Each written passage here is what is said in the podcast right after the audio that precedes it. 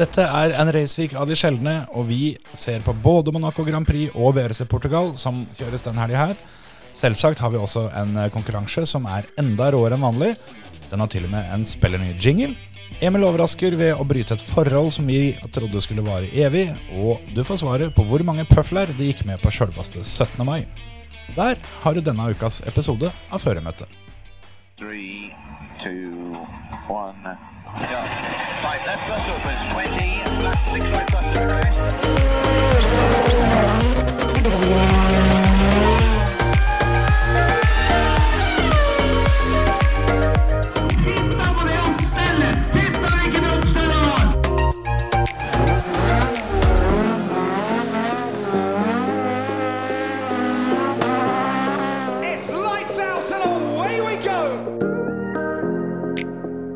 Velkommen til en ny episode av Føremøtet.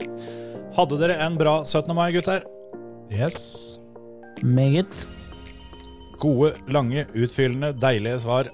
Det er sånn vi liker det. Hva med deg? Eh, ja, jeg hadde jo egentlig det, men eh, på ingen måte på den måten som eh, en skulle tro. Jeg hadde en 17. mai hvor jeg slapp å knytte slipsknute. Deilig. Så, så, så ja, jeg hadde jo en bra 17. mai. Eh, holdt meg innendørs hele dagen. Fordi guttungen eh, følte seg ikke helt uh, skipskeip, så da var det ikke noe vits å drive og menge seg med folk. Så da, da ble det rett og slett en hjemme 17. mai.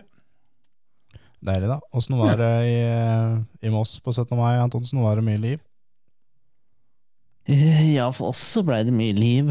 For vi kjørte uh, nemlig i denne bilkortesja, som uh, nå har blitt uh, fast tradisjon i Moss.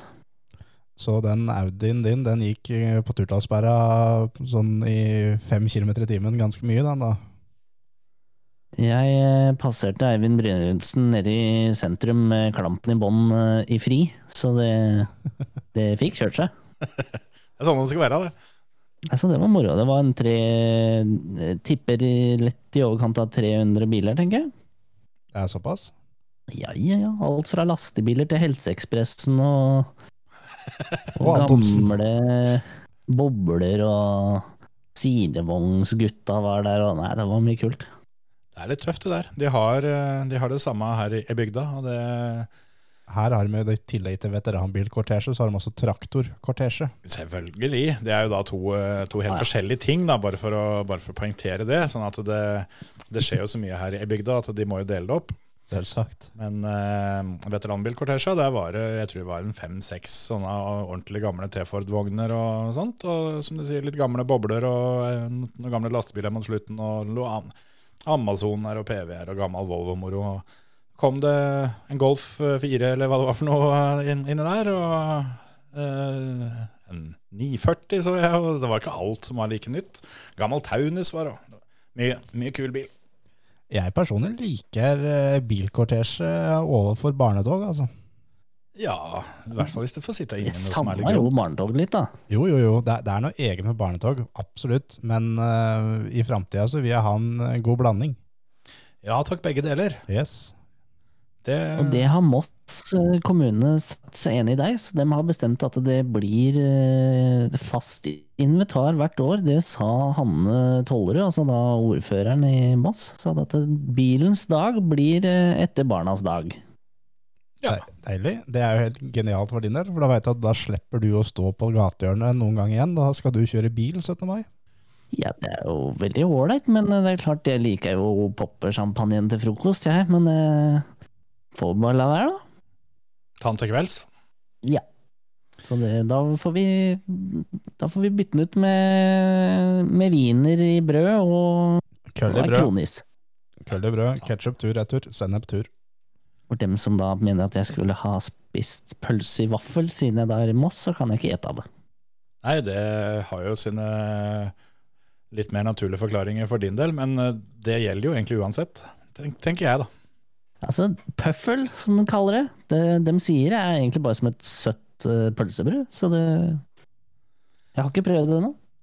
Det er jo litt sånn, uh, ettersom jeg har skjønt, da, så er jo debatten litt på det skal du ha på sennep og ketsjup, eller skal du ha på syltetøy? Jeg har stått bak noen i køen som har tatt begge deler. Flotte saker. Ja, nei, det, Da er du litt drøy. det blir noen pøffler. Pøfler, ja. Det er viktig å ha få tredd seg nedpå et par pøfler. Jeg tenkte på det med, med bilkortesje på 17. mai. Det var ikke akkurat noe kortesje sånn sett, men jeg er jo litt sånn oppvokst med det på den, og som egentlig når jeg tenker meg om kanskje var eh, min, eh, min første introduksjon eh, for motorsport.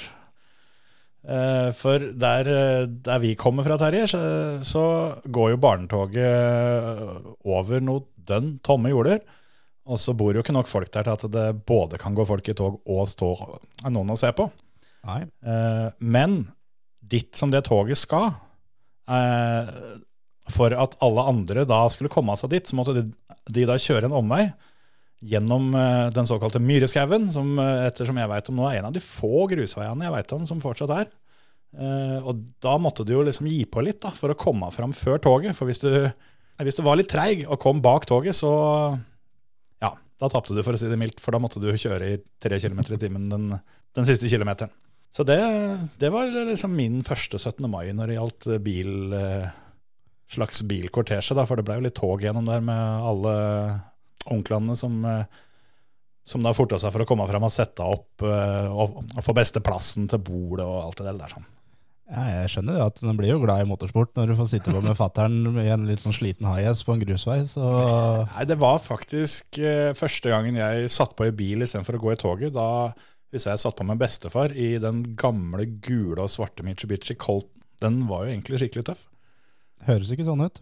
Jo, men eh, ja, Jeg husker ikke årsmodell, men det, det, det var en tøff bil. altså. Det var, den var gul, og så hadde den sånn, sånn svart sånn hardtop-opplegg. Kjempestilig. Ja. Du er for liten, så du husker ikke det. Nei, det er enda godt. Kanskje like rett. Ja. Men eh, nok om eh, bilkjøring på landet. Skal vi snakke litt om bilkjøring i byen? Det kan vi gjøre. Litt større enn Moss, til og med. For nå er vi jo inni inne Ja, ja litt, litt. Er egentlig større, enn- større enn Moss sånn størrelsesmessig. Kanskje ikke i areal, nei. Nei, det er det nok ikke. Vi er, men vi Det er på størrelse med Fon, der vi kommer fra. ja, nei, Du hadde fått plass til et par av den byen i Fon her, for det er ganske svært i Fon. Ikke sant? Men eh, vi snakker om en by som er større enn landet som byen ligger i. da. Det er ikke mange byer som kan eh, skryte av. Sånn, Sannsynligvis ingen andre. Så hvis du bor ytterst i den byen og skal ned, ned til sentrum, så må du gjennom passkontroll. Om enn litt, litt symbolsk ennå. Men eh, ja, vi er jo inne i eh, ja, kanskje verdens mest berømte race week. Det er Monaco Grand Prix til helga. Rett og slett. Endelig igjen, sier jeg. Mange er nok ikke helt enig i det, for det er jo et, et løp som er litt sånn eh, både og. Kjedelig, ja. Det er mange som kaller det for en totimers kortesje. Ja. Så vi får nå se. Det er trening allerede på torsdag. Ja. Ikke noe kjøring på fredag. Ikke for Formel 1 i hvert fall. Formel 2 skal vel kjøre. Det kan eh, jeg tror de kjører litt på morgenen. Og så må de jo åpne opp, da, for det er jo litt vanlig trafikk som skal gjennom. Og så skal Formel 1-gutta rett og slett eh, sole seg i glansen og gjøre litt intervjuer og være litt glamorøse nede på havna og sånn, tenker jeg, på, på fredag. Så er det kvalik på lørdag og løp på søndag. Hva tenker du, Emil? Har du, har du savna Monaco Grand Prix? Ja, jeg har egentlig det. Jeg syns det er veldig gøy å se på løp der. Og det er jo noen når du har vært og fått se banen live, Mm. så blir det enda sjukere. Helt enig.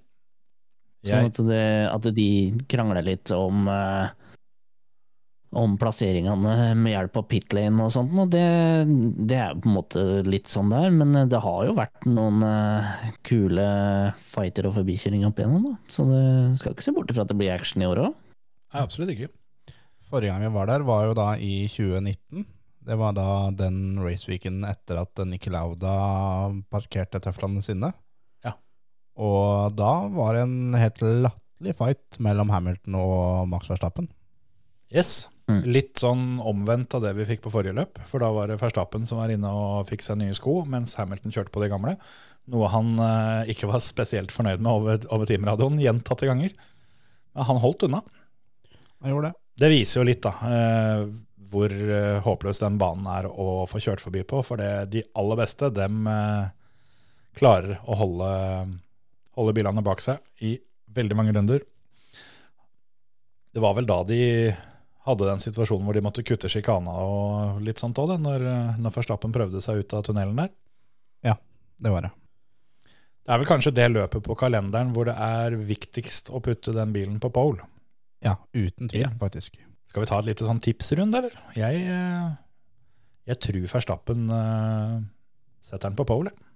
Det tror jeg jo. Det har jo, Det tror jeg òg, faktisk.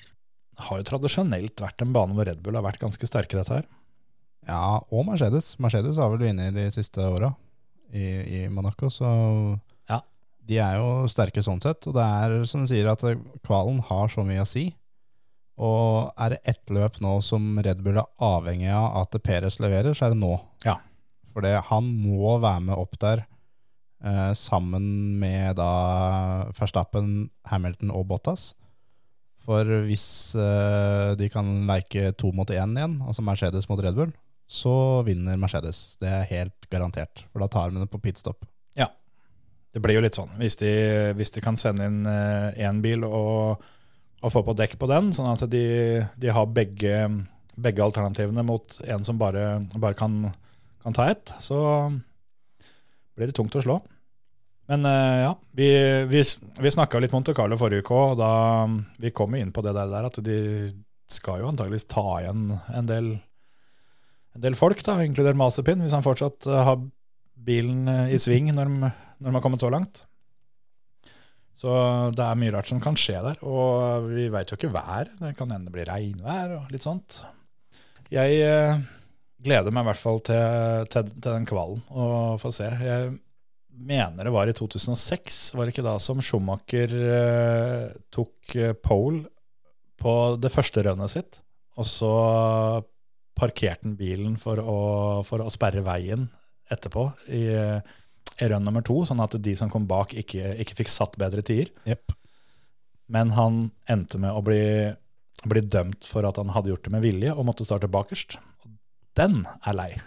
Den svir. Jeg kan jo bare si da, sånn uh, apropos været, så er det meldt uh, utrygt for regn. Hmm. Og um, jeg syns jo på en måte at uh, det løpet der i regnvær, det er ikke så kult. Mens alle andre løp i regnvær er ganske kult.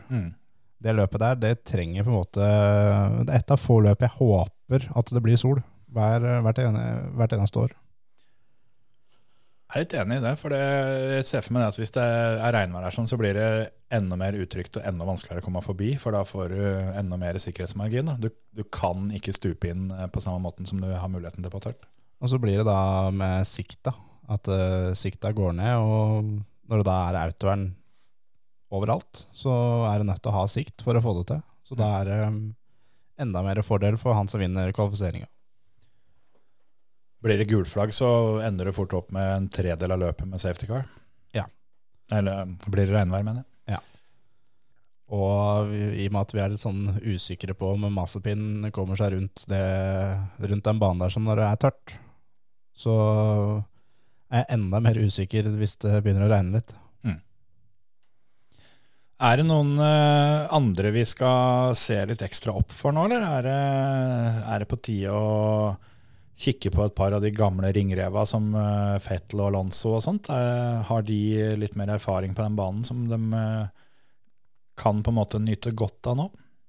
Hva tror du, Emil? Alonso kan det kanskje være en å følge litt eh, godt med på, men eh, det er klart, jeg vet ikke om han har helt downforce-bilen til det, da. Nei. Det er jo Den litt er jo ikke kjent for å ha jævlig bra downforce, den uh, alpinen akkurat, men, uh, Nei, men eh, det veit jo aldri. jeg så Fettel er jo litt ute og svømmer, egentlig, så jeg vet ikke helt hva vi skal si om han. ja, Det er jo ikke så langt til vann, da. Jeg tror nok at det her sånn blir en Det er en enda mer fordel med high rake cars. Altså det er en enda større ulempe for Mercedes og Aston Martin, som da er low rake cars. Altså med lav høydeforskjell mellom foran og bak på bilen. Mm. Så sånt som da Ferrari og McLaren eksempel, tror jeg kan eh, være enda nærmere front enn det de har vært tidligere på den banen her. Jeg tror at, eh, at eh, Leclerc, for eksempel, da, som ikke har fullført ett NM-løp der før, han er veldig gira på å gjøre det bra nå. Og han kan fint finne på å kvalle topp tre, han. Og bli topp tre, og være med og blande seg inn blant de fire i front. Og Ricardo kan også gjøre akkurat det samme. Charles Leclerc er jo litt sånn kvalik-konge. Han eh, er veldig ofte fryktelig god på kval, og dette her eh, er jo hjemmebane. Han, eh, han er jo fra denne lille byen. Og som du sier, aldri fullført løp der, så han er sulten. Så jeg jo tenker det, at han eh, Han kan fort ta seg på pallen. Og det samme med han andre, andre du nevner. Sånn. Jeg vet ikke om du har trua på noe sju i den, den helga her, Emil? Ja, jeg har eh, ganske trua på det. Altså, om det er én bane nå som eh, Som eh, Danny Rick kan få lov å komme litt tilbake igjen, så er det jo nå, da. Her kjører han jo styggfort. Mm. Og bilen er bra. Og, den, og for ikke snakke om det nye, tøffe Gulf-liveryen de skal kjøre. Ikke nye, da, men uh, Ja. retro Det kommer jo til å ligge på to tiendere på den tida. Ja, det har vi jo vært inne på før, det med, det med å, å måte male bilen kjapp. Og den, ja. den, altså, den nye livery de eh, skal kjøre med til helga, det var, eh, det var tøft, syns jeg. Altså. Det, det så skikkelig bra ut. Ja, den, var, den var ordentlig skerp, altså. Den, eh, den likte jeg. Er en av de finere sånn one-off liveries jeg har sett uh, på en stund, faktisk. Mm. Mm. Men så er det også det at eh, det har Mercedes også vært ute med, at det er sånn one-off livery. Det har vi prøvd, det har vi slutta med. For det gikk jo så lukt på jordet foran de prøvde. Og så de mener at det er litt sånn jinxa, det der one-off livery-greiene. Når er det de eh, gjorde det sist? Eh, Hockenheim, når de eh, Ja, det jubileumsgreiene, ja. Yep. ja. Ja, De hadde livery som var spesielt da, selvfølgelig. Ja, Det var da alle var pynta i lederhosen og, og klare for fest. Yes. ble ikke helt sånn. Nei, det er, eh, det er noe med det. Men apropos, apropos, apropos Mercedes-liveryen, så når jeg kikka på noen highlights fra mm, forrige løp der nede i 2019, så syns jeg det så så rart ut med de sølvfarga Mercedesene. Så jeg må si jeg håper de beholder de svarte, for jeg syns de er kulere. Ja, det, det syns jeg òg. Men forrige gang de var i, i Monaco, så var det Hamilton som vant, foran eh, faktisk Sebastian Vettel. Ja, for det Verstappen fikk vel tidsstraff. Ja, fikk fem sekunder tidsstraff. Så Bottas ble tre, og Verstappen ble da nummer fire. Pierre Gasli ble nummer fem, Science 6, Kvyat 7, Albon 8, Ricardo ble 9, Grosjean ble 10. Forrige gang det var det. Og den banen her er faktisk den banen som Ricardo har tatt flest poeng på, sånn i gjennomsnitt på baner han kjører på. Mm. Han vinner der en gang. Ja, Han burde ha vunnet der to. Det stemmer det. Hamilton fikk eh, fem sekunder for uh, unsafe pit release forrige gang. For han, var han, Bottas og en til som, eh, som kjørte inn samtidig. Verstappen fikk. Ja, det var det jeg mente. Jeg sa sikkert noe annet, uh, tydeligvis. Men ja, Uh, og så var Red Bull kjappere, så de, de tok egentlig Bottas, var det vel. Så, men eh, ja, de, de kom ut side om side. Men det, det, det tenkte jeg på den gangen, at eh, når det er sånn, da, så eh, Det blir veldig viktig hvor du har pitboxen din. Veldig. Det er jo eh, er vanskelig å, å være så mye kjappere at du får hele bilen ut og forbi pitboxen foran. Så Nei, det blir spennende. Vi får komme litt, mer, litt grann eh, mer tilbake til hva vi tror og sånn seinere, når vi skal prate litt uh, odds. Men uh, innen den tid så må vi jo prate litt fantasy. Det må vi. Jeg har jo dette laget mitt, da. Det står jo Ja, det er nødt til å stå, det. Faen meg på tide at dere skjerper dere, gutter, sånn at jeg får bytte om. Får jeg lov å bytte turbodriver, eller? Nei, laget ditt står. Laget står. Ferdig med det. Idioter. Jeg, jeg gjør mitt eh, ytterste for å slå deg denne helga. Jeg òg. Godt å høre. Nå er jeg spent. Hva har dere å by på? Få, få høre laget, på... laget ditt, Antonsen. Ok, nei, jeg, jeg har jo tro på at uh, Verstappen tar eh, hele kaka. Så han eh, Altså, ikke bare løpet, men eh, sesongen totalt. Så han er eh, og forblir min dyre sjåfør. Og så har jeg rett og slett plukka opp hjemmegutten uh, Leclerc. Satt den som en turbodriver. Mhm. Og så har jeg plukka opp Esteban Esteban Ocon, fordi der er det egentlig bare Det går på hvem som har slått teamkompis og, og avansert mest i løpet osv. Der har han jo vært god eh, egentlig uke til uke. Og kan har vært bra, altså. Så han har vært veldig bra, men eh, han andre han er fortsatt er jo Gasli, og han er jo litt sånn Litt på gjerdet. Han, eh, han slår teamkompisen sin, i hvert fall, da, men har vel ikke hatt innertier uh, fram til nå, men uh, får håpe at han snur, da. Han kjører jo liker jo seg i Monaco, så Da er det én igjen. Så er uh, sistemann, og det er uh, Mr. Danny Rick. The Honey Badger er uh, tilbake på laget. Ja. Nå, eh, nå var det litt sånn overraskende hodenikking fra Terje her, for eh, han eh, tror jeg trodde dere skulle ha dønn like lag, nesten. For det, når du leste opp her nå, så satt jeg og viste da mitt lag til Kjetil, og så bare jeg, sjekka av for hver du sa, som jeg også hadde. Som jeg pekte til Kjetil at det neste han sier nå, det er Gasly, garantert. Og det var det. Men at, eh, at Honey Badger kommer på slutten der, den, eh, den er ikke dum. Du kan si det sånn da, at, eh, at Terje forventa at du skulle komme med Schumacher. Så det var vel en eh, liten oppgradering fra Terjes forventninger der. Men da har vel, eh, hva har du som team da, Emil? Da har jeg McLaren. Se her, du. Ikke sant? Her er det noen som har bedre råd enn andre, skjønner jeg. For Terje har det samme laget som deg, bare at han har Hamilton istedenfor uh, Verstappen. Og så har han uh, Schumacher istedenfor uh, Ricardo.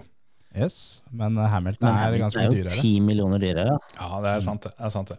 Så jeg blåser en god del penger på, på Hamilton. Men eh, jeg har jo Hamilton fordi jeg tror det er han som tar i år. Og, og jeg tror nok at han eh, kommer til å levere mer stabile poeng i løpet av året.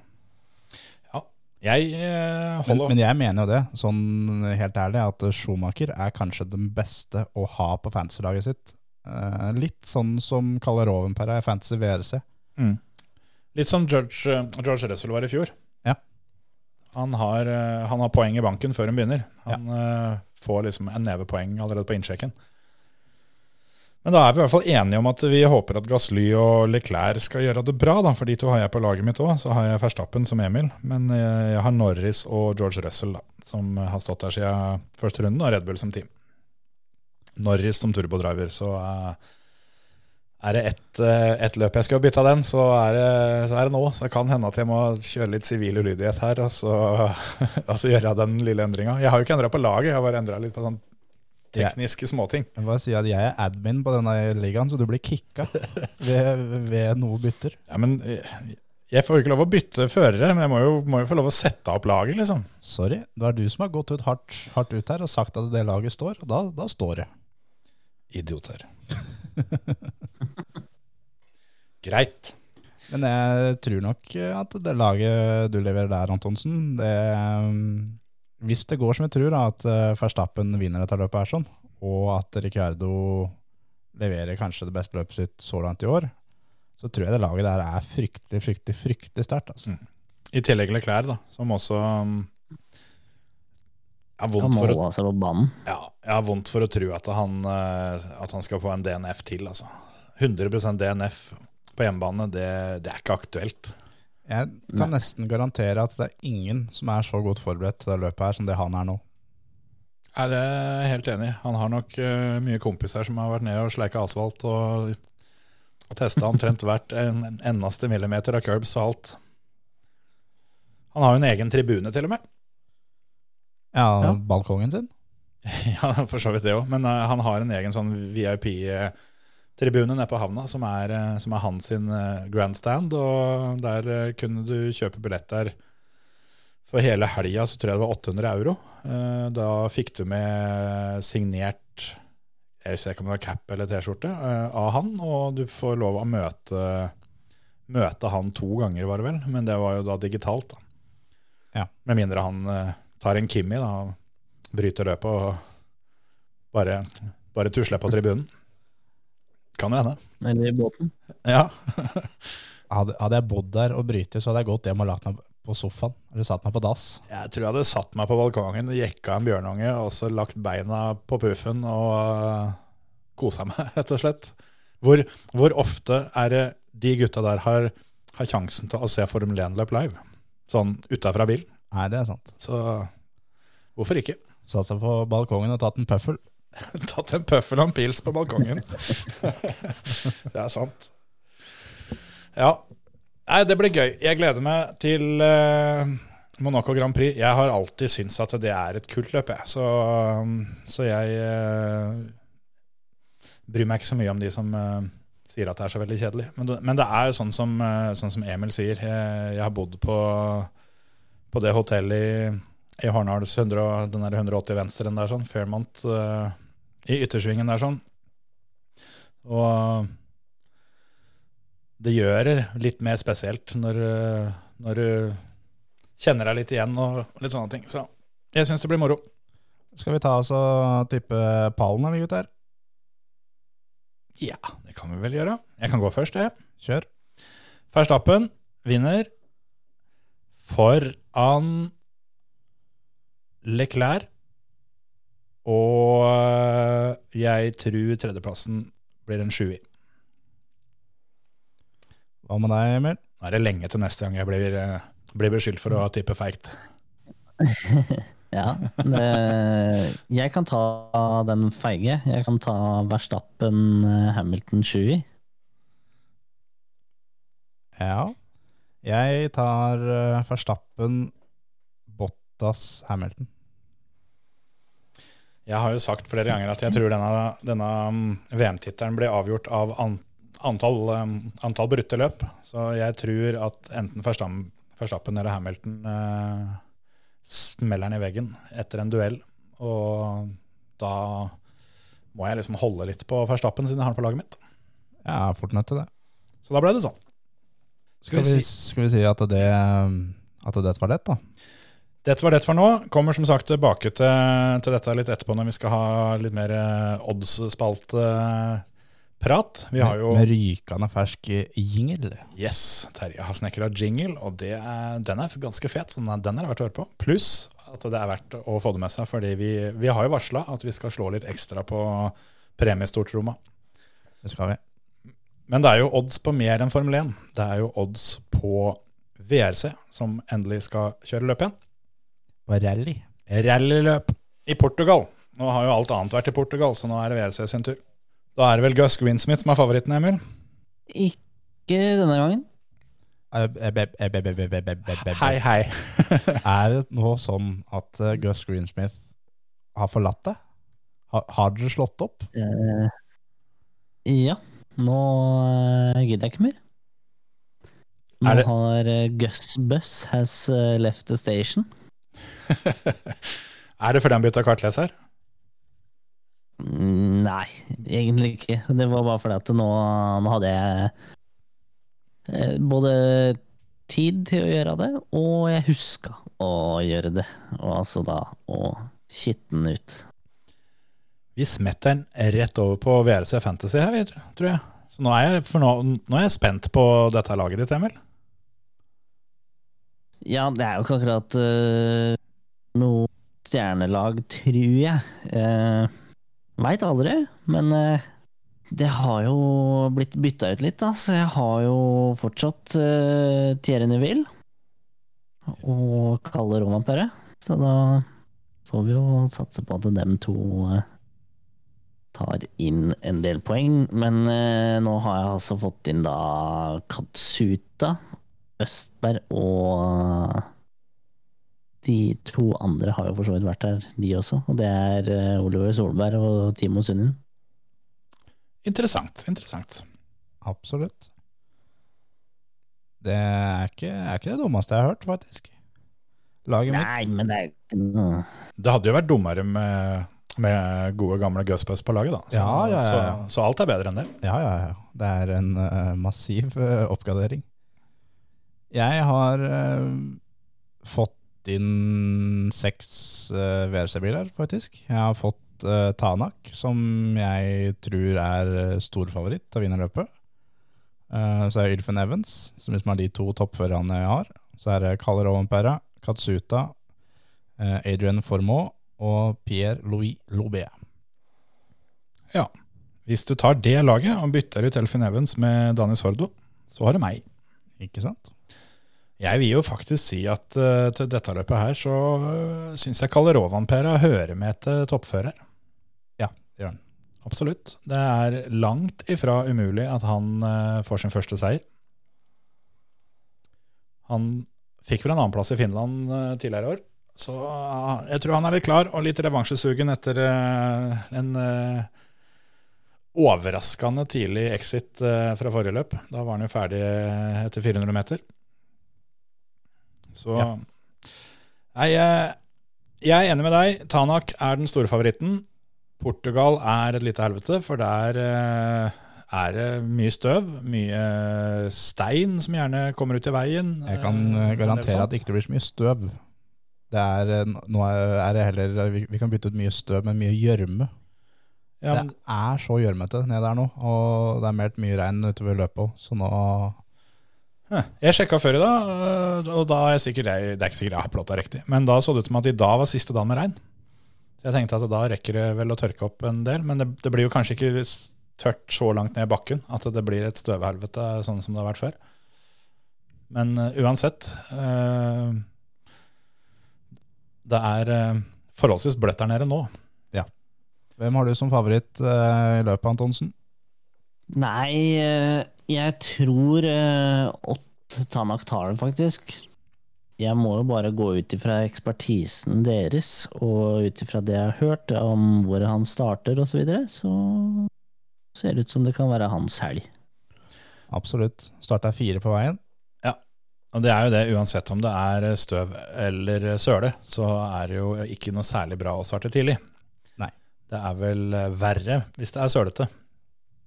Men det er langt ifra bra hvis det er støvete.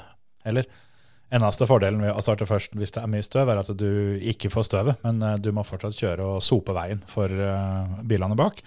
Så bil nummer én, to og til dels tre, dem eh, får en ulempe på det. Og i år så er første dagen eh, veldig lang. Det kjøres syv ganske lange etapper den dagen. Eller, og en veldig kort en, så det er åtte etapper på fredagen.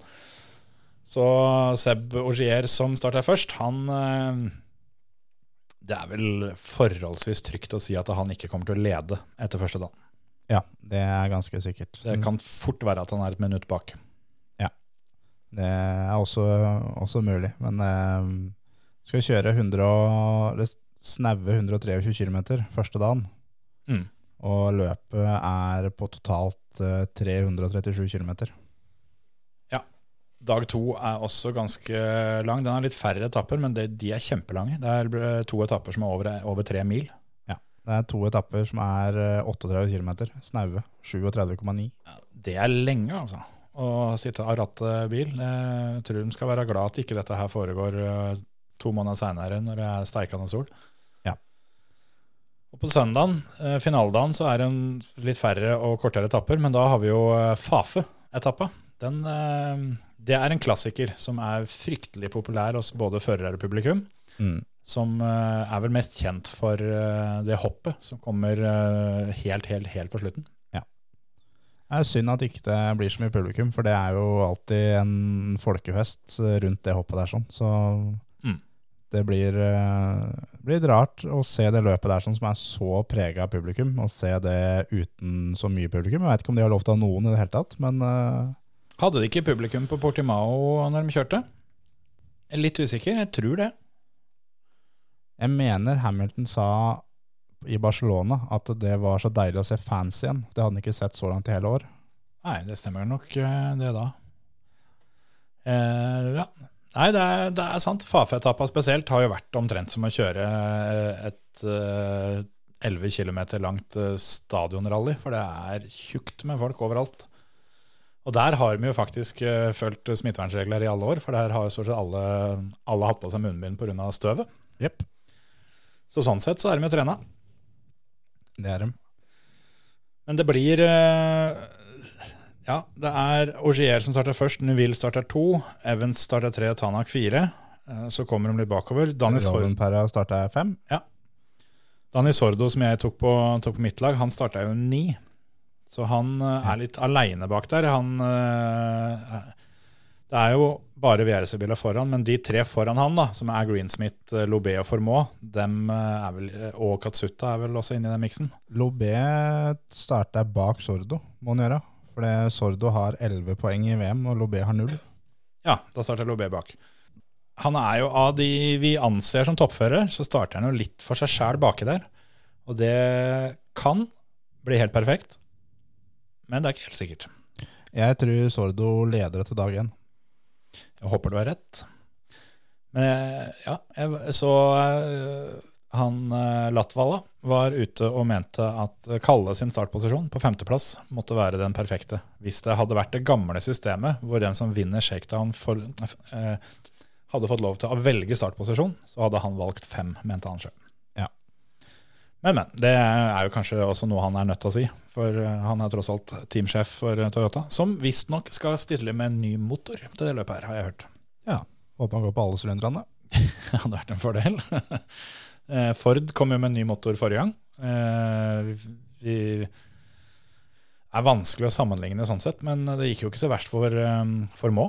Så det blir spennende å se den på et grusløp òg. Absolutt.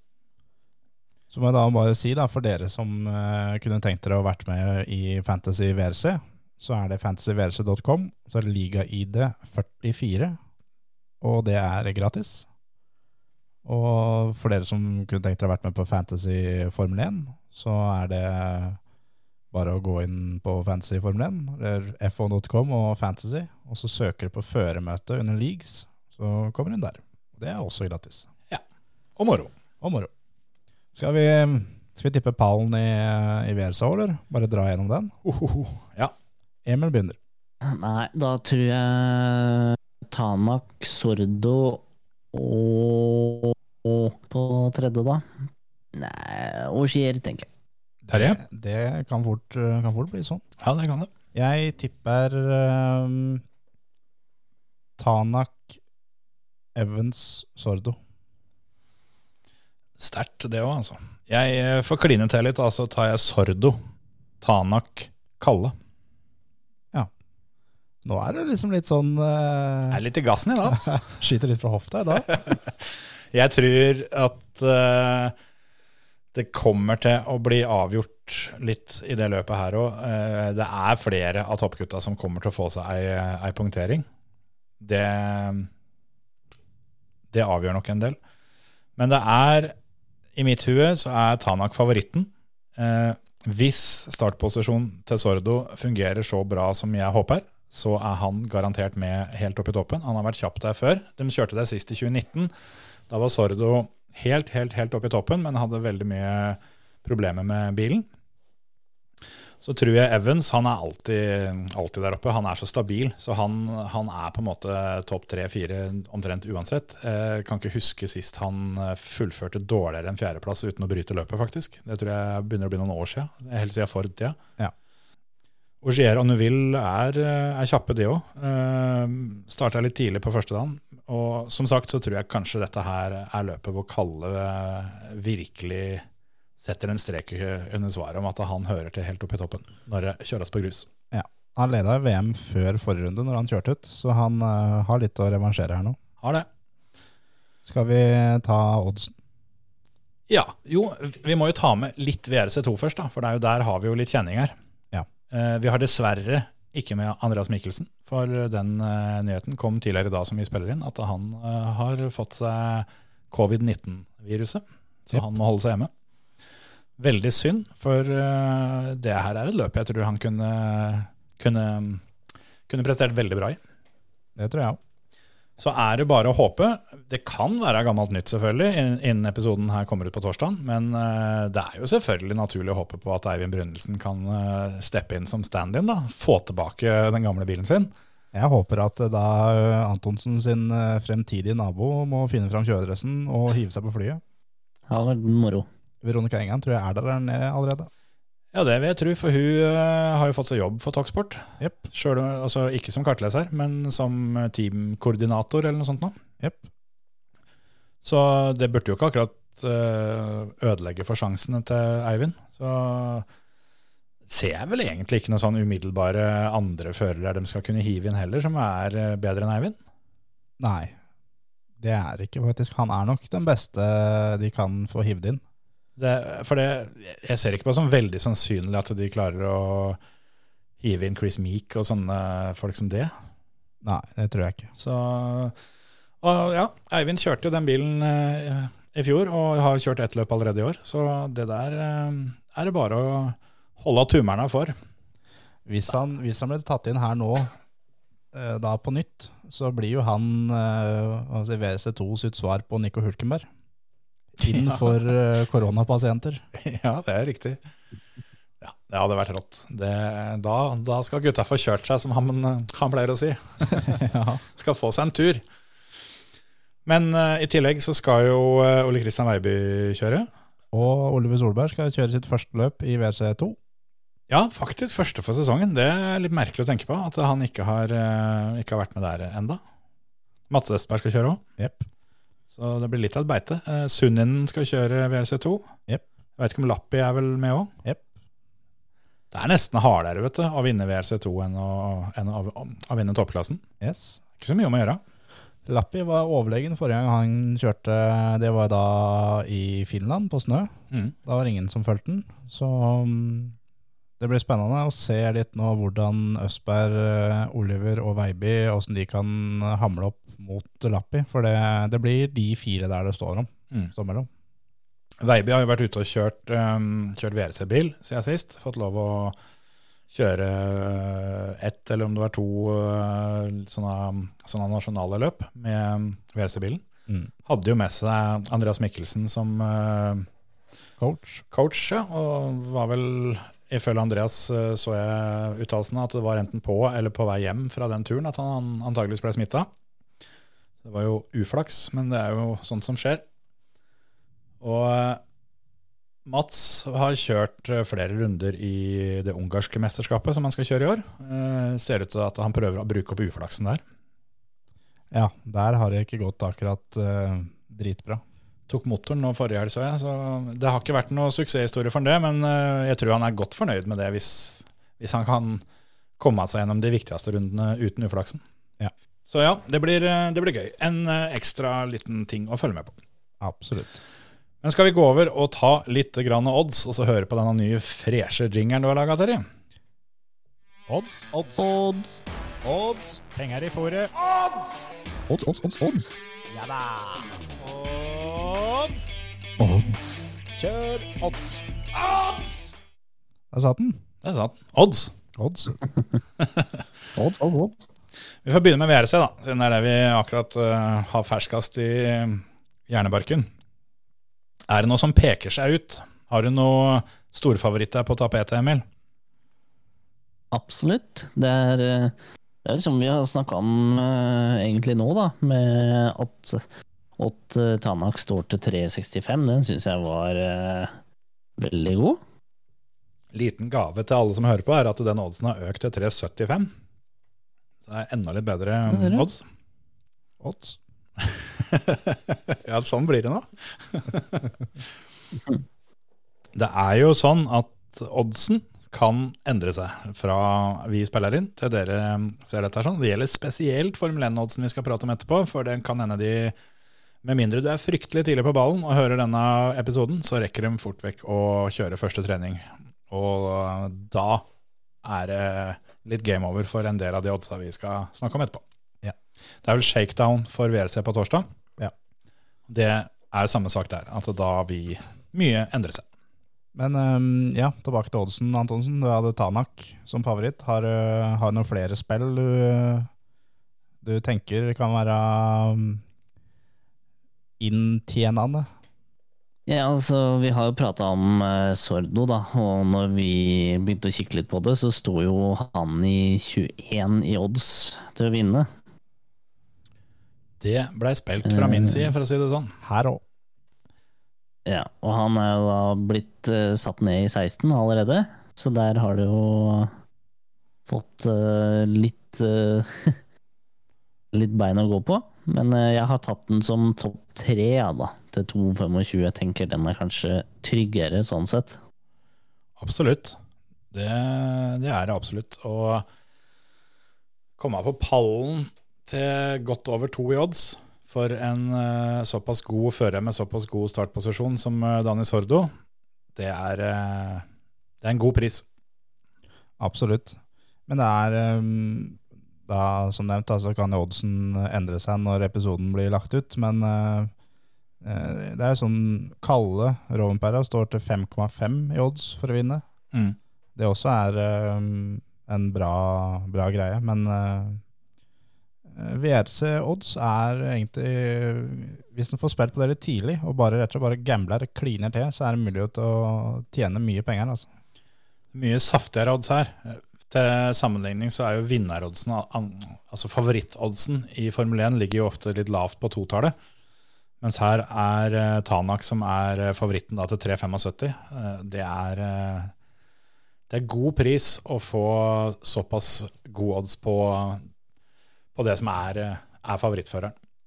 Jeg har vel også funnet ut det at eh, i og med at det er såpass høy odds, da, det er Tanak som er favoritten til 3,75, foran Elfin Evans til 4.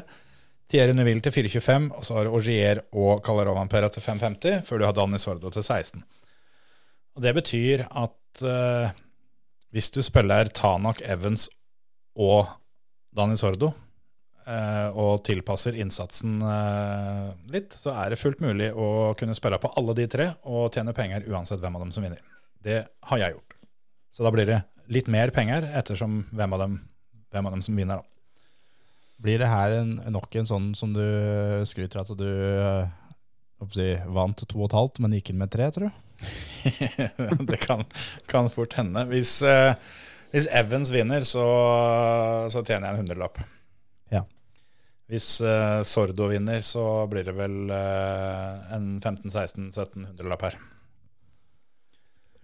Så det er litt forskjell på det, selvfølgelig. Men eh, det føles ganske greit å få gevinst uansett hvem av de tre førerne jeg holder som favoritt, som vinner. Ja. Men det, det betyr jo at alle andre burde spille på Calderón-Ampera eller Thierry Neville eller Sebastian Augier, for det, nå er det jo en av de som vinner. For du kan jo være dønn sikker på at det, det som jeg sitter og skryter av nå, det går lukt på skauen. Helt garantert. Det er eh, et kjent, eh, kjent triks som de som kjenner meg godt eh, opp gjennom odds-historien kan godt. Det er å finne ut hva jeg har spilt, og spille mot det. Og de, de har stort sett mer penger enn meg i dag. Ikke sant? Men du, Det var derfor jeg tok Tanak til å vinne. Ikke sant? ikke sant? For du har jo muligheter til å sitte igjen med snaue Eller snaue tre høvdinger, du Antonsen, hvis det er dine spill på, på VR-en går inn. Ja, det er jo, det er jo som vi sier, litt saftigere odds, da. Så da går den inn med litt mer eh, penger. For det, jeg traff jo på Formel 1-treninga forrige uke eh, også. Og da ble det mer penger å spille for. Penger i fòret. Mhm. En annen odd som jeg også syns frister litt, er eh, du kan spille på hvilken, eh, hvilket bilmerke som vinner løpet. Og eh, der er det Toyota som står lavest, til 1,85. Så står Hyundai til 2. Ford står til 100, så akkurat eh, Ford kan være greit å styre litt unna. Jepp. Men i og med at uh, de holder Tanak som favoritten, uh, med Thierry Neuville som tredje favoritten, så syns jeg det er litt grann merkelig, kanskje, at de uh, holder Toyota som uh, bilmerkefavoritt. Så der syns jeg Hundai til to i odds, som da betyr at enten Tanak, Neville eller Sordo vinner løpet. Eller for så vidt Alobé og sånt, men én av de tre, som alle er eh, store kandidater til, til å vinne. Da får du dobla pengene dine hvis du spiller på det. Den, eh, den syns jeg ser fin ut. Den nå tror jeg kommer til å droppe etter, etter Shakedown. Ja, det, det tror jeg òg. Fem i odds på at uh, Tanak uh, blir nummer seks eller lavere, eller bryter, er faktisk ikke en håpløs odds det heller. For det skal ikke så Altså, får han en dobbeltpunktering, så, så er det fort gjort. Jeg, jeg må bare si det, eh, at hvis Steve Røkland nå sender inn i konkurransen vår at han har satt Tanak til å bli fire eller fem, og han blir fire eller fem, da, da får ikke Steve Røkland lov til å være med mer. Det er jo faktisk eh, en av tinga som jeg mener gjør eh, at vinneroddsen på Tanak er såpass god, er at han, han gjorde det så dårlig sist, og at han var ikke oppe, oppe og nikka på enkeltprøver engang. Men det er jo som man sammenligner epler og pærer, for det mm, asfaltrally av grusrally, det, det er litt natt og da. Det er det. Men ja, jeg er helt enig. Hvis, uh, hvis Steve sender inn et eller annet sånn trollmann-opplegg denne gangen òg, og det bare klinker seg rett inn, da, da, må vi, da må vi se litt på det. Da må vi ta en prat, rett og slett. Ja, Da vil jeg låne den tidsmaskinen hans. Yes. Sånn kan vi si det. Men eh, skal vi gå videre til eh, odds for eh, Formula 1? Formula 1. Ja. Der er jo da, som vi nevnte i stad, så har Kulbeth også da Verstappen som favoritt til vinnerløpet. Knepent. Eh, når vi spiller inn det her sånn, så står han til 2,20 i odds. Hamilton står til 2,25. Så ifølge Kulbeth så er det de to det står mellom. Og Bottas, som da er nummer tre på oddsen, han er 9. Peres har 12. Ja. Og så kommer Leclerc med 31. Ja. Og der igjen, da, i og med at eh, de to eh, soleklare favorittene begge står til over to i odds, så har du muligheten til å kjøre den kjipe, kjipe trygge varianten. At uh, hvis du setter en hundrings på hver av dem, så vinner du penger uansett hvem av dem som vinner. Du taper kun hvis da ingen av dem vinner. Ja. Men det skjer jo fort. Det, det skjer. Men eh, for jeg for min del, da, når det gjelder, uh, gjelder Monaco Grand Prix, er ikke så veldig frista av den uh, sånn, Å spille rein vinner og den slags. Jeg syns heller ikke kanskje at Hamilton vinner første trening til 3.25. Den eh, er vel omtrent den eneste av de vinneroddsa jeg føler for å gå for. Jeg vet ikke om du har sett noe mer på det, Emil? Jo, jeg har sett litt mer på det, men eh, her blir det jo mer eh, på en måte spekulering i hvordan bilene har vært nå kontra de tidligere åra, da. Og det er jo litt sånn som vi prata om forrige gang, at eh, Max kommer nok til å komme ut og sette et eh, heftig tempo fra start. Så jeg har faktisk gått for at Max vinner uh, førstetreninga denne gangen. Ja, absolutt ikke umulig. Jeg så det var noen som hadde tatt ut tiende fra Barcelona på, på den tredje sektoren, som er ganske knotete. Og der var førstappen Verstappen uh, forholdsvis overlegen. Eller Red Bull. Ja, egentlig generelt der. Eh, Det var jo litt ljug, da, fordi det var jo tatt ut fra både kval, eh, kval og løp. Og bestetida til Max i løpet var jo helt overlegen. Men det var jo fordi han var inne og, fikk på skikkelig hjul helt på tampen. Ja.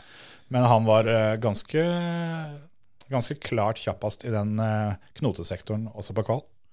Jeg er ganske frista til å spille Peres til å vinne, vinne treninga til ti odds.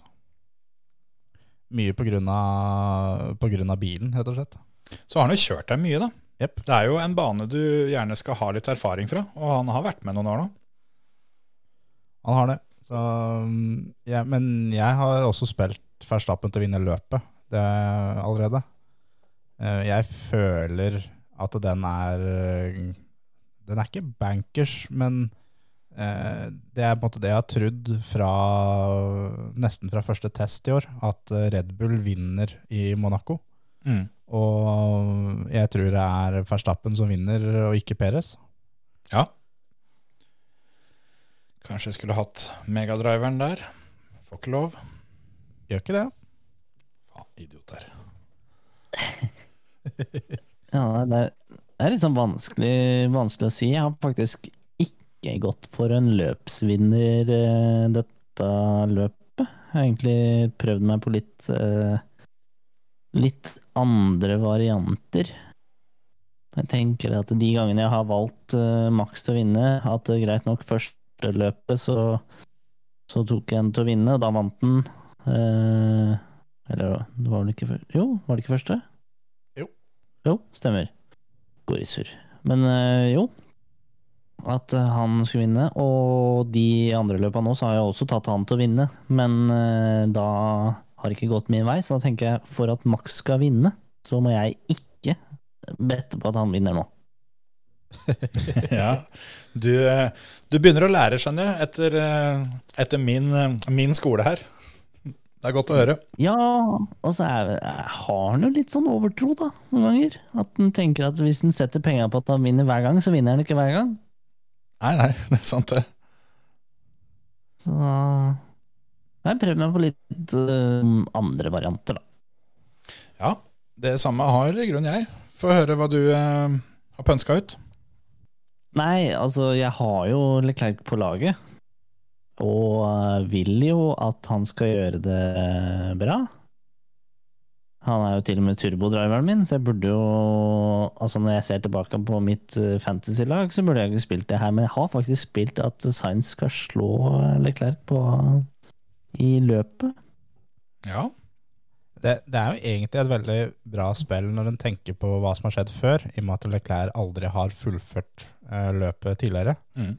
Og den oddsen som da Science står til mot, uh, mot uh, Charles, så er det faktisk et veldig, veldig bra og egentlig et sånn gjennomtenkt spill. da. Ja, For han har 2,80 i odds på å slå Leclerc, og det er jo uh, Sainz har vært stabil eh, egentlig hele år.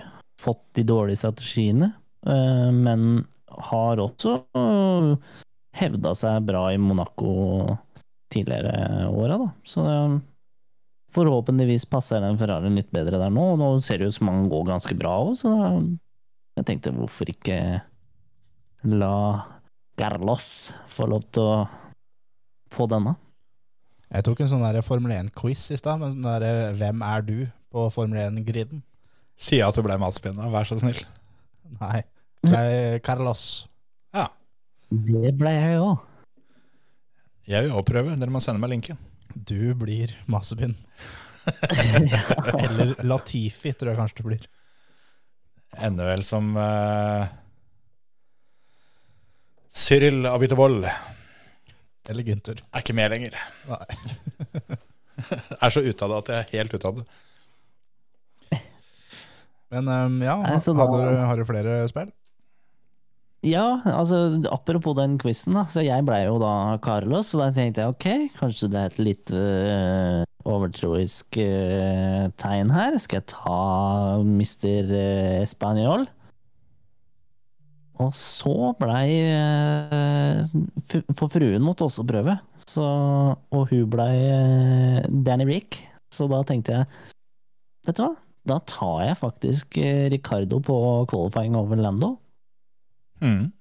Den, den har jeg også på min eh, eh, Altså, jeg har notert ned den, jeg òg. Altså, det er en 2,20-oddser, og den er Altså, det er jo 50-50 om, eh, om man tar den, så det er jo jeg, jeg tror kanskje, selv om Lando har vært hot i det siste, så sleit han litt forrige, forrige løp, og Ricardo fikk litt mer liv under vingene, og så kommer han tilbake til play-banen, og da kommer liksom de good vibesa. Så jeg tror han har et knepen forsprang her. Ja, jeg er helt enig. Han, eh, han er vel den eneste som eh, jeg føler jeg skal spille før eh, alt begynner. Det er Daniel eh, Ricardo som står over to i odds. 2,20 på kval og 2,10 i løp. Det som på en måte taler imot han eh, i det løpet her, av kontra Lando, er tryggheten i bilen, som er kanskje det viktigste på hele banen. At eh, Lando er tryggere i, i den bilen enn det Daniel er, rett og slett. Ja. Så, men jeg også tror at, det, at Lando får nok smaka den her, sånn. Men eh, det som taler i Landos favør, er jo da tryggheten. Absolutt. Altså, jeg tenkte på det. Ok, jeg tar Land nei, eh, Ricardo til å vinne eh, qualifying over de to. Og så tenkte jeg skal kline til med at han slår ned head i løpet. Men så er det jo de her jævla teammorderne til eh, McLaren, da. Ja. Og hvis det er ett sted de faktisk ville gitt den jævla fort, så er det jo hvis Lando kommer fra en dårligere kvalifisering og kommer opp bak Ricardo, så får han pent beskjed om å flytte seg. Det gjør han. Ja, med mindre da, de tror at eh, Daniel eh, er kjappere på denne banen. Da. Det er jo akkurat det. det. Det har nok veldig mye å si med hva, som, eh, hva de får ut av dataene på de tre treningene. ja, jeg bare tror at nå så har de Det koster dem så lite kalorier å slippe Lando forbi Ricardo. Han ligger for Så bra an hvis- eh, i sammendraget, rett og slett. Ja, han ligger bra an, og, og han har fått den Han har på en måte fått den derre eh, Ja, du vil jo nesten si far og sønn-forholdet med Med Herregud, da. Zac Brown. Zac Brown, ja. Sånn at det har jo blitt en sånn at eh, vi må få Lando opp og fram. Absolutt. Så Mm. Så jeg veit ikke. Jeg tror de slipper han forbi for lett. Så da tok jeg ikke han i løpet. Nei, jeg ser Som for min del, eh, så ser jeg her nå at eh, vi tippa jo sju i både du og jeg i stad, Emil. Den starter sju i odds på at eh, Daniel Ricardo kommer topp tre. Men igjen, da. Du har jo Nei, den eh, den er det jo litt avhengig av at han ikke får den teamordren. Men det, det skal jo ikke mer til enn at de har én bil mellom seg, da. Så er det jo fort litt vanskelig med den teamordren allikevel. Ja, da går det ikke. Det jeg har valgt å fokusere litt på her, jeg tror jeg skal ha litt is i magen, og så skal jeg vente litt. Men eh, spesielt etter kval så er jeg forberedt på å gå inn på å spille en del head-to-head-spill. Og rett og slett eh, som utgangspunkt å bare, bare spille på den av de to i head-to-head-duellene som kvala best. Den som, den som starter lengst fram i feltet. Ja. Det er fryktelig vanskelig å kjøre forbi på en bane der. Det er det. Det er uh, eneste som kan oppsi, slå og sprekke på den odds-taktikken der, da, er jo, som Emil sier, teamordre. For det er eh, Det kan fort hende at uh, f.eks. at Lando har mye bedre race pace enn det Daniel har. Mm. Og um, det er derfor han på en måte har blitt sluppet fram tidligere i år, fordi han har, han har bedre pace uh, i løpet. Og det kan skje i flere andre team òg, at uh, f.eks. Alonso setter bilen foran Ocon på kvalen. Men Ocon er mye mye kjappere underveis i løpet og har kanskje en bedre strategi der og da, som gjør at det da blir da rett og slett slipt fram. da. Ja, absolutt. Det er jo ikke alle som har eh, ballene til Bottas eh, med å, å drive og nekte teamholdere. Så Nei, det, men jeg syns Bottas er litt kul. da. Han sier at det, nei, jeg er her for å kjøre, jeg òg. ja da, jeg er ikke uenig i det, sjøl om jeg må jo si det at eh, det er jo litt trist at du som eh, Altså når du som Mercedes-fører føler at du ikke har tid til å slippe fram kompisen din fordi du fighter med en Ferrari, var det vel? Ja. Da, da, da mangler det noe, da. Gjør det. Men eh, ja, det er vann under brua. Det blir spennende å se om han eh, tør å gjøre det der en gang til. Eh, og hvis han tør å gjøre det en gang til, så tror jeg det er fordi han veit at det, det her er siste sesongen uansett. Men det kan vi snakke mer om siden. Men så er det også uh, et, uh, et annet spill som jeg har spilt, som ingen av dere har nevnt ennå, er eh, om det blir rødflagg eller ikke. Ja, Det, At det blir rødflagg til eh, altså ja på det spørsmålet, det står til 3,50 i odds, og nei på 1,26.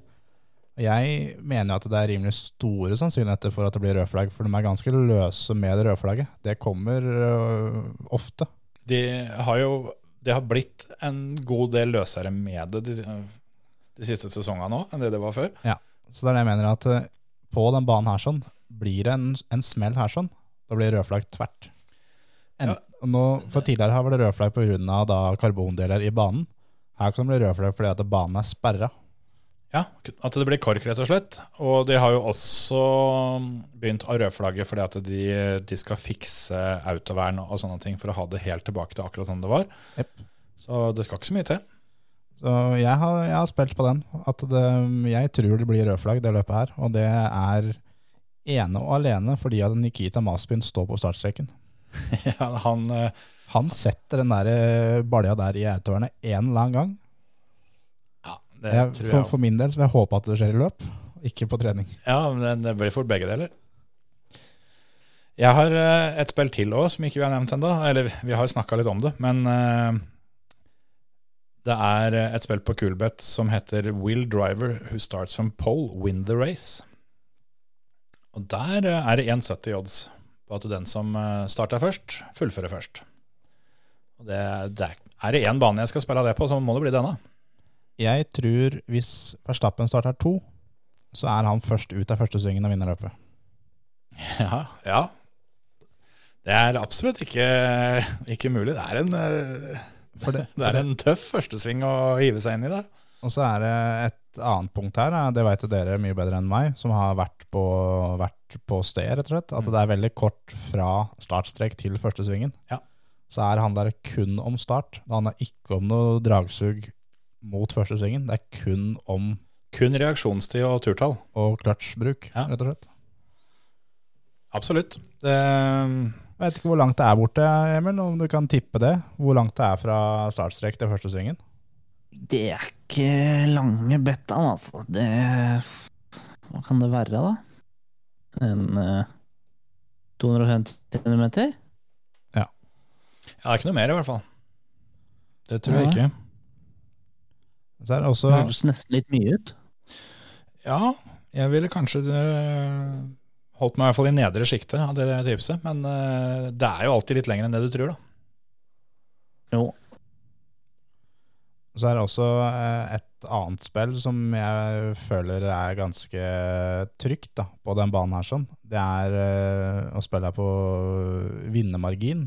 På hvor mye, eller hvor langt det er fra nummer én og ned til nummer to. Fordi på det løpet her så er det alltid tett. Og at det er under fire sekunder mellom én og to, det ser jeg på som nesten garantert. Det står til 2,20 odds. odds. Uh, at det er to sekunder eller mindre, er til 3,20 odds. Jeg tror at vinnermarginen er et sted mellom der, mellom to og fire. Ja, men 2,20 i odds for under fire sekunder, den er ikke feil, den. Og det Jeg bare, i, I fjor så var eh, vinnermarginen fem tiendedeler, egentlig. Ja. Så har du jo har du også alternativet med at det kan bli målgang under safety car. Ja. Da, da vil det gå inn. Det er jo ikke utenkelig, det heller. Nei, Det er et spill jeg ikke har tenkt på engang. Den, eh, den syns jeg faktisk var litt fin. Fire sekunder. eh, Du kommer et stykke med de Formel 1-bilene på, på fire sekunder. Det gjør det. Ja, men altså, til og med den to sekunderen er ikke umulig heller. Altså. Nei, jeg syns ikke det. For det er, det er veldig sjelden at, jeg si, at vinneren kjører over mål her sånn i ensom, ensom majestet. Det er, uh, det er alltid en bil som er forholdsvis tett bak. Mm. Altså da i fjor, så var da, eller i 2019, som var forrige løpet, så var Verstappen fem tiendere bak, men fikk jo da tidsstraff. Fettel som var nummer tre, han var 2,6 bak Mm. som da ble nummer to. Botta, som kjørte over streken som nummer fire, han var 3,1 sekund bak.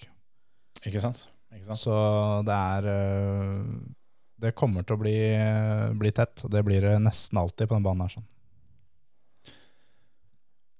Jeg tenkte også på det som vi var inne på, det med, det med rødflagg og safety car.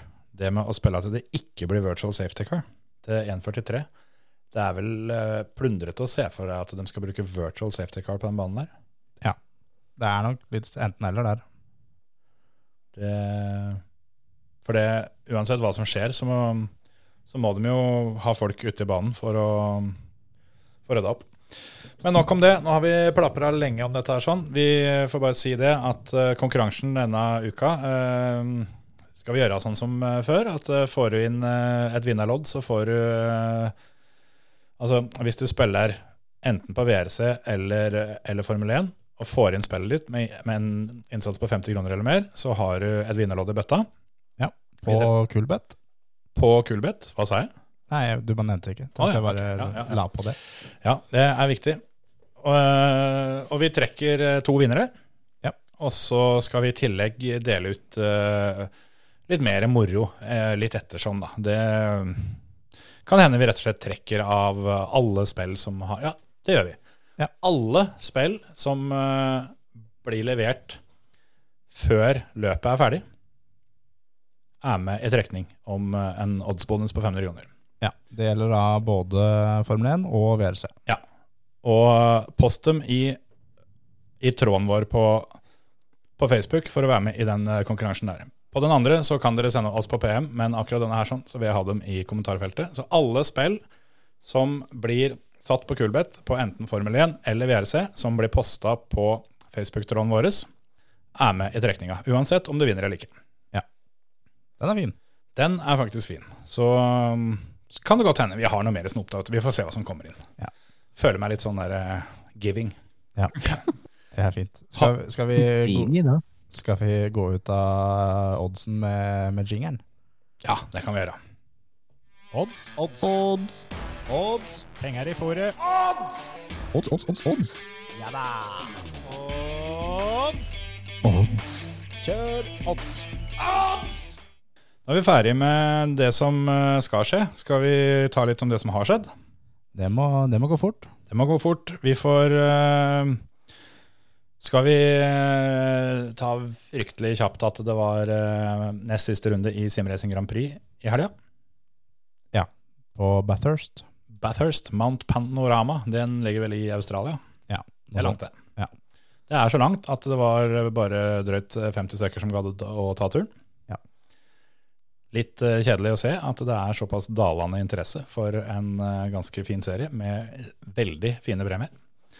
Men sånn er det. Sånn har det blitt. Ja. Og Oskar Biksrud satt uh, Sindre Setsaas på plass Ja, i løp én, og på kvalen for så vidt.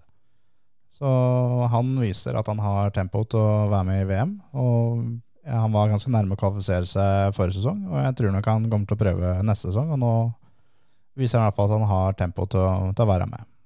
ja det er klart når du, når du i løp etter løp eh, har tempo til, til Sindre inne, så har det noe i, VM å gjøre òg. Det er det ikke noe tvil om.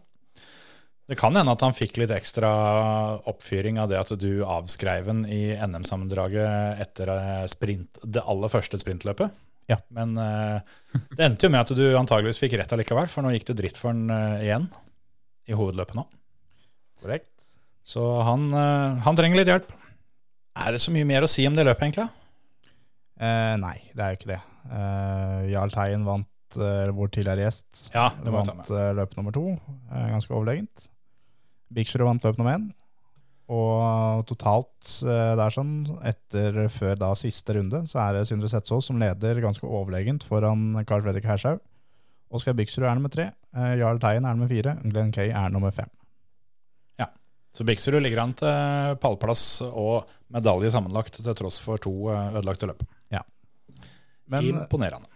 vi snakka jo litt om det løpet ditt eh, forrige gang, Antonsen. Med at det var noe krasja og greier, og om det var noe fare for, eh, for protest. Ja, Og det trodde vi jo kanskje ikke at det var, men den protesten, den kom, den. Ja, det kom protest, men, eh, men ikke fra Nils Erik. Det kom eh, protest fra Race Control. Har du noensinne i hele ditt liv enten blitt eller hørt om noen som har blitt protestert på fra Race Control? Det vil si løpslederen, ikke sant? Ja. Greit. Jeg har aldri liksom vært med på det at de har lagt inn en protest på et eller annet jeg har gjort. Enten så, er det jo, enten så blir det diska, eller så skjer ingenting. Mm. Eh, men eh, det var jo litt spesielt her med tanke på at Race Control ikke har den juridiske makta. Fordi at eh, den serien her er jo avhengig av at det er førerne selv som kommer med eh, protester. Det står vel også spesifisert at det er ikke lov å protestere på noe som ikke involverer deg sjøl. Yes, så da, da satte vi rett og slett uh, Preben eh, Elden Valle på saken. ja. Er jo en ringrev til å, til å lese regler. Så da kommer vi med appellen vår, og dem eh, kom til den beslutning at dem trakk protesten sin. Det er så deilig med en, en appell som er eh, At han er såpass at du får den som har lagt inn protesten, altså dem sjøl, til å bare trekke den. Ja. ja eller vi, vi veit jo ikke om det var Race Control som trakk den, eller om det var juryen som avviste den, eller et eller annet sånt. For det er jo, det er jo ikke de samme folka. Nei, det er klart at det er jo ikke det. Det er litt av et apparat, vet du. Mye folk i sving her. Sånn er det. Nei, det var godt, for det Jeg trodde ikke det jeg hørte da jeg fikk høre om at du hadde blitt eh, protestert på fra, fra løpsledelsen. Da, da tenkte jeg at det, det er noe greit å være først ute med mye rart, men denne her var litt spesiell. Og det er jo på en måte en, en sak en er på en måte litt dømt til å tape òg. Ja, det kan du si. Men ikke når eh, Elden Valle er, eh, er på jobb. Da, da ordner det seg. Når han får lov til å gi han et regeldokument og så et tomt Word-dokument ved siden av og tastatur, så er mye gjort da, altså. Det, det går unna. Så det gikk, eh, gikk heldigvis veien, det. Men du kjørte jo Ja. ikke løpet uka etter allikevel, da, Emil? Var Nei, men hvem i helvete arrangerer løp på 17. mai, da, for faen? nei, veldig godt poeng. Jeg hadde tenkt å si var du så sur på det med at du ikke gadd mer, men, eh, men ja, 17. mai er god nok grunn, det òg, for så vidt. Altså, det er liksom sånn Ikke nok med at jeg feirer 17. mai i, i Moss i år, men det er liksom sånn Skulle, skulle jeg liksom sagt til, til mor og far eh, midt i kakeskjea, så er det liksom sånn eh, Beklager, men jeg må gå, for jeg skal kjøre løp. Det hadde ikke falt i god jord. Nei, så er det liksom det at da en er jo eh, hva si, 17. mai er da på datid, så er det ofte da barnetog, men så er det da på kveldstid som det er da familiesamling og kake og is og brus og pølser og potetløp og sekkeløp og ringkasting og dvergkasting, og det er, det er mye som skjer da på kvelden på 17. mai ofte. Da, da skal gjerne Terje ha en Pavlova ned på høykant. En Pavlova, altså et par pøfler. Altså, jeg kyla Pavlova ned, nedover halsen og fikk uh, muligheten til å være i et selskap uten barn, så hos meg så var det promille. Ikke sant? Det, simracing, det, det, det taper jo den duellen der. Gjør det. Ti av ti ganger. Ja, det gjør det. Nei, det mm, er ikke så veldig merkelig akkurat det. Sånn er det. Det kan vel hende det og hadde litt å si for SRGP sin del, som kjørte løpet sitt på 16. mai. Sjøl om de endelig klarte å finne ei ellers forholdsvis løpsfri helg, da. Ellers, da? Så du på MotorGP i helga, Emil?